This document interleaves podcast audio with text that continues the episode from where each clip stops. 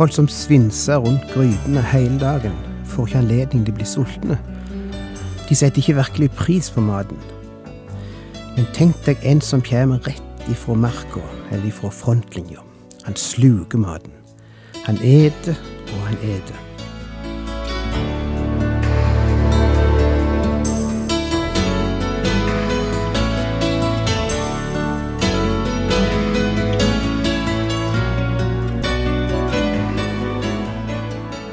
Hjertelig velkommen til et nytt program i serien Vindu mot livet. Vindu mot livet er basert på programserien Insight for Living ved Chuck Svindal. Programmet er produsert av Kristen Riksradio og blir ledet av Ola Bjoland.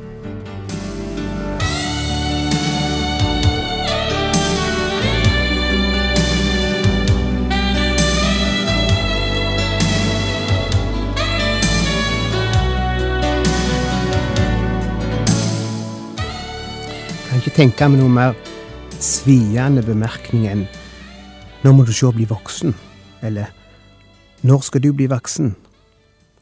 Enda jeg har brukt den flere ganger sjøl på mine egne barn. For når jeg får tenkt meg om, så er det vel ikke mye som kan krenke et barns selvfølelse slik som en slik bemerkning. Kan du ikke huske sjøl da du var tenåring, og noen kom med den bemerkningen? Skal du ikke snart bli voksen?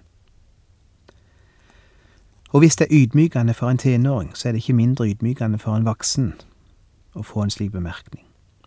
Hvis du noen gang som voksen har blitt fortalt av en annen voksen at nå må du snart bli voksen, så glemmer du det ikke så snart. Det er krenkende, fordi det rører ved dine indre følelser, ved din stolthet. Det som sies, er egentlig du oppfører deg ikke i samsvar med din alder. Du er ikke så moden som jeg skulle vente av en i din alder. Jeg har tenkt en del på dette med alder og modenhet, om det å vokse. For det å vokse er noe viktig og verdifullt for oss, ikke minst for barna. I USA hadde de mange ganger i heimen strekt opp streker en eller annen plass på en eller annen vegg vannrette streker eller merker som barna hadde brukt som mål etter hver som de vaks. Og de, stre de sjekka strekene og fant stor glede og tilfredsstillelse i at de hadde vokst seg høyere i løpet av det siste halvåret, kanskje. Vekst er noe veldig personlig og viktig i menneskelivet. For det andre blir ofte vekst vurdert i forhold til alder. Hvis du tar et barn til doktoren, så er det noe av det første han spør om, hvor gammel er du? Før han gjør noe annet, før han starter noen undersøkelse, så vil han vite alderen på barnet. For det fins statistikker som viser at ved den og den alder skal et barn ha kommet så og så langt. Og hvis det er store avvik mellom det som er normalt i den alderen, og det han finner hos barnet, så er det grunn til å se nøyere på saken. Vekst blir vurdert ut ifra alder, og alder blir vurdert ut ifra vekst. Det tredje jeg har tenkt på, er at indre vekst ikke alltid står i forhold til ytre vekst. Noen mennesker kan være meget intelligente eller modne, selv om de ikke er så store rent fysisk, selvsagt. Andre kan være store ytre sett, men være mentalt tilbakestående. Kan ha stansa opp i sin indre vekst. Noen slutter å vokse mentalt som tolvåringer, eller tiåringer, eller seksåringer. Og grunnen til at jeg nevner alt dette, er at det stemmer så godt med det som hebreerbrevet tar opp i dag, dette med den åndelige vekst. For Gud ser på vekst som noe fryktelig viktig. I 1. Korinterne 14, 20 sier Paulus, Brødre, vær nå ikke uforstandige som barn. I ondskap skal dere være små, men voksne i forstand. Noe av det mest elementære i vår kristen tro er at vi blir født inn i Guds rike. Vi blir født på ny. Vi gjennomgår en åndelig fødsel. Og ifra den fødselen starter det en vekst, akkurat som i det fysiske liv. Ifra det øyeblikk vi er født til et liv i Kristus, blir kristenlivet en prosess og en vekst. Vi vokser fra et barnestadium og fram imot et voksenstadium. Og denne veksten slutter ikke før vi er ferdige på denne jord. Slik forutsetter iallfall Guds ord at det skal være. Problemet er at det ikke alltid er slik. Mange kristne begynner bra, men så stanser de opp, og ender opp som en slags åndelig utviklingshemmede. De slutter å vokse. Det stopper opp. Og der er det at kapittel fem i Hebreabrevet kommer inn. For der møter du en slik replikk, som vi alltid har opplevd som sviende, iallfall i andre sammenhenger. Men kanskje vi tar litt annerledes på det når det kommer fra Guds ord. For hva er det som står her? Bli voksen, står det. Og det er en voksen mann som skriver det, og han sier det til voksne mennesker. Når skal de bli voksne, spør han. Og grunnen til at han sier det, er at han kjenner voksne mennesker som fremdeles leker med byggeklosser, åndelig talt. Folk som burde vite bedre, fordi de er gamle nok som kristne til å vite bedre. Men de roter fremdeles rundt i sin åndelige barnehage, fremdeles bærende på tutteflaska, fremdeles ristende på ringle, fremdeles ikke i stand til å ta imot åndelige sannheter for modne kristne og ta konsekvensen av dem. Vi er i kapittel fem i Hebreabrevet, vers 11-14. Om dette har vi mye å si, men det er vanskelig å forklare, siden dere er blitt så trege til å høre. Etter så lang tid burde dere selv være lærere, men dere trenger noen som på ny kan lære dere de første grunnleggende ting i Guds ord. Dere må ha melk og ikke fast føde for den som får melk, mangler innsikt i budskapet om rettferdighet. Han er umoden. Men den faste føde er for de modne, for dem som ved å bruke sine sanser har øvd dem opp til å skille mellom godt og ondt. Det er sterke ord. De er skrevet med intensitet, med følelser. Den første setning kan kanskje virke litt forvirrende. Om dette har vi mye mer å si. Hva er det han snakker om? Ja, det finner vi i verset før. Han snakker om Kristus som øverste prest, etter Melkisedeks vis. Og han sier altså her, det er så mye mer jeg skulle likt å sagt om dette, men det er vanskelig stoff. Det forutsetter tenkning. Det krever konsentrasjon. Det er ikke stoff som klør i ørene. Det er ikke underholdning og for å være ærlig, det er ikke moden nok til å forstå dette. Det er klare ord, og i vers 11 karakteriserer han hvorfor de ikke er i stand til å forstå det. Dere er blitt trege til å høre, sier han. I vers 12 er det samme ordet oversatt med sløve.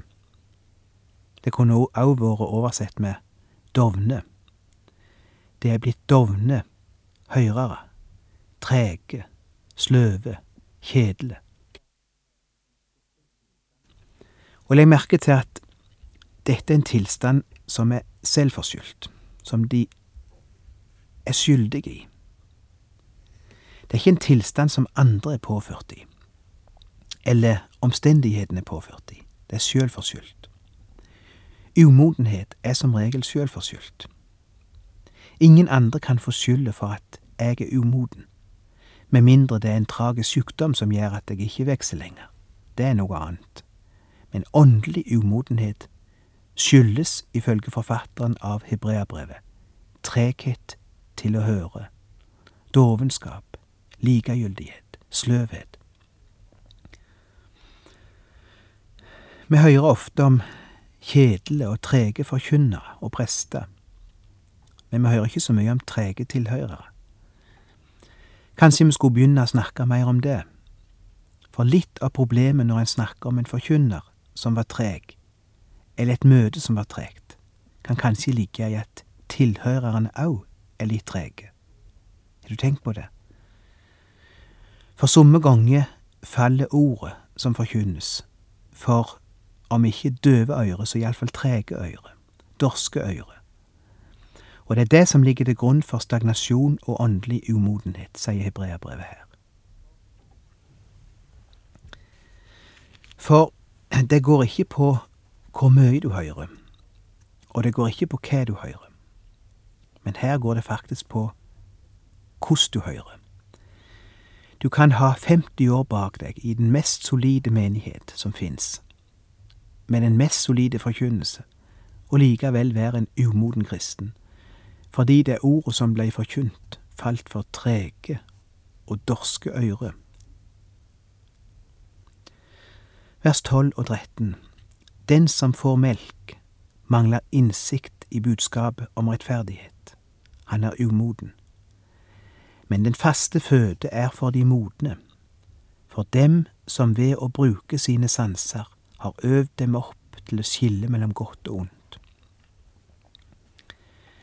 Problemet er altså at det ikke skjer noen vekst. Å verte eldre trenger ikke bety at en blir modnere. Å verte eldre betyr at en forandrer ansikt og forandrer kropp. Det betyr at en blir litt mer langsom, litt mer engstelig kanskje, litt mer forsiktig. Og derfor, til eldre en blir, til mer energi man faktisk bruker på å segge disse åndelige sannhetene en hører ut i livet. Til eldre en blir, til mer viktig er det at en vokter seg for å, eller mot å stagnere som kristen, og slutte å vokse. En rektor på en høyskole skulle ansette en av sine lærere i en administrativ stilling ved skolen og han ansatte en lærer som hadde vært ti år ved skolen. Da det vart kjent hvem som hadde fått den ettertrakta stillingen, kom det en annen lærer som òg hadde søkt stillingen, nokså opprørt inn på rektorens kontor og sa, Hvorfor ansetter du han? Han har jo bare ti års praksis, mens jeg er 25 års erfaring. Hvordan kunne du gå forbi meg? Og rektoren svarte, jeg beklager å måtte si det, men du tar nok litt feil der. Du har ikke 25 års erfaring. Du har ett års erfaring, og dette årets erfaring har du hatt i 25 år nå. Ett års erfaring i 25 år, altså. Det betyr at han hadde ikke vokst noe på de siste 24 åra.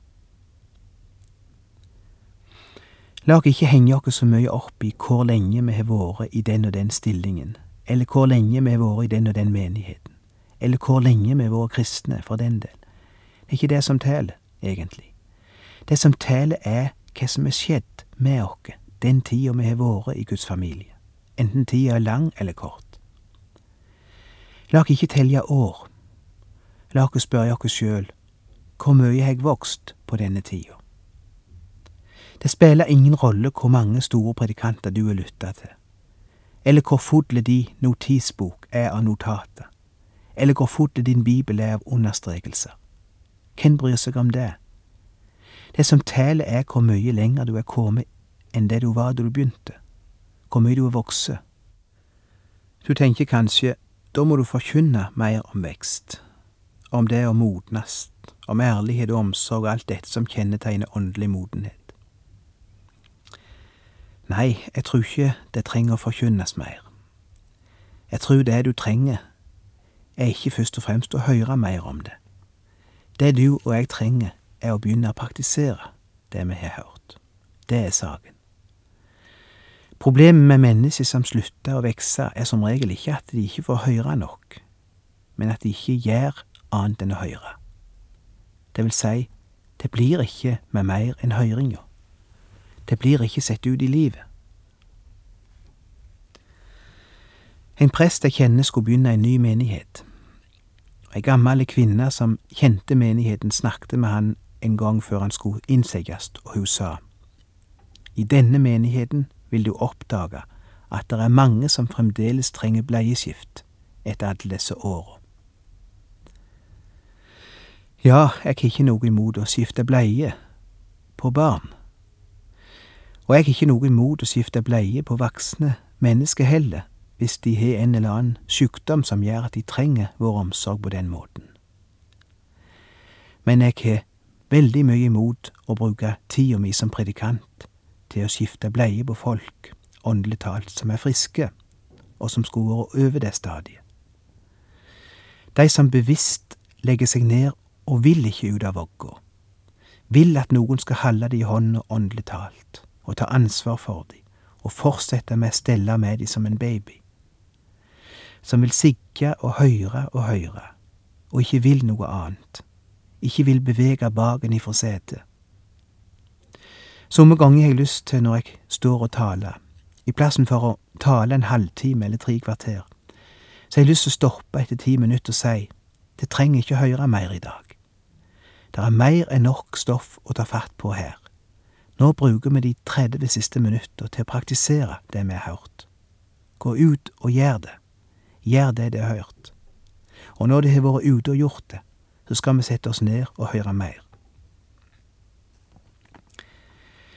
Hvem er en moden kristen? Hva er kjennetegnet på modenhet? Det er at henne begynt å spise fast føde, lagt ifra seg flaska og smokken og begynt å ta til seg fast føde, sier hebreerbrevet. Og at en, når en hører ordet, med en gang starter å praktisere det. Hvis alt du hører bare kommer innenfor hodet der, og blir der, og ikke går inn i armer og føtter og munn og hjerte, da er du en umoden kristen, sier hebreerbrevet. Det er ikke mine ord, det er Guds ord. Hvis din kamp som kristen står på samme plass og på samme nivå som for 20 år siden, og det har ikke skjedd noen forandring, da er du stagnert. Det er fordi sannheten er blitt siggende fast i hodet ditt, og ikke blitt transportert videre til kroppen og ut i livet. Jeg vet dette er harde ord, men jeg ønsker å si det så sterkt at det kanskje kan vekke noen til ettertanke. Jeg vil heller at du skal bli sint, enn at du skal bare lagre nok noen sannheter oppi hodet og fortsette å være likegyldig. Og et av resultatene av modenhet er at en får mer skjønn, sier ordet her, mer vurderingsevne. Vers 14 igjen. Den faste føde er for de modne, for dem som ved å bruke sine sanser har øvd dem opp til å skille mellom godt og ondt. Ved å bruke sine sanser øves de opp til å skylde mellom godt og vondt. Du tar imot informasjon, og du siler ut det rette ifra det galne, det gode ifra det vonde, det nyttige ifra det unyttige, det sunne ifra det usunne, det vesentlige ifra det uvesentlige. Og du er mer opptatt av hva som blir sagt, enn av hvem som sier det. Hører du det? Det er viktigere hva som sies, enn hvem som sier det. Hvordan er det med deg? Må det komme ifra din egen organisasjon for at du skal høre på det? Se opp for slike mennesker som bare vil høre sin favorittpredikant.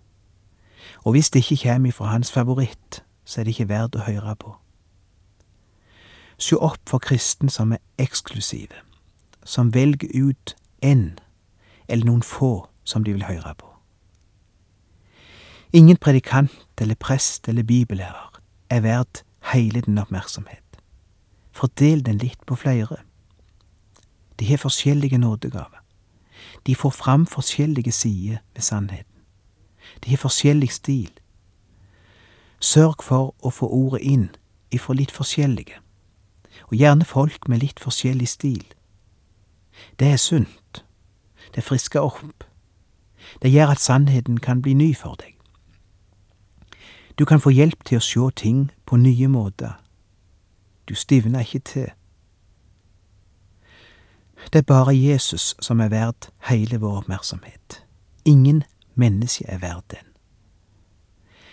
Og jeg møter av og til kristne, og jeg har vært en slik sjøl au, så jeg vet hva jeg snakker om som føler etter en bestemt person, en bestemt forkynner, leser kun hans bøker, spiller kun hans kassetter. Og så er det det å få det ut. Få det ut av hodet og inn i livet. Jeg er terpa på det i det uendelige, jeg vet det. Men jeg ser mer og mer hvor fundamentalt dette er. Kristendom ligger ikke i hodet. Den ligger i hjertet og i føttene og i armene.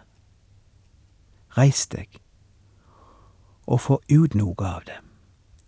Ikke bare ta imot og lagre det oppi hodet. Praktiser det. Svett litt. Gå ut og jobb litt.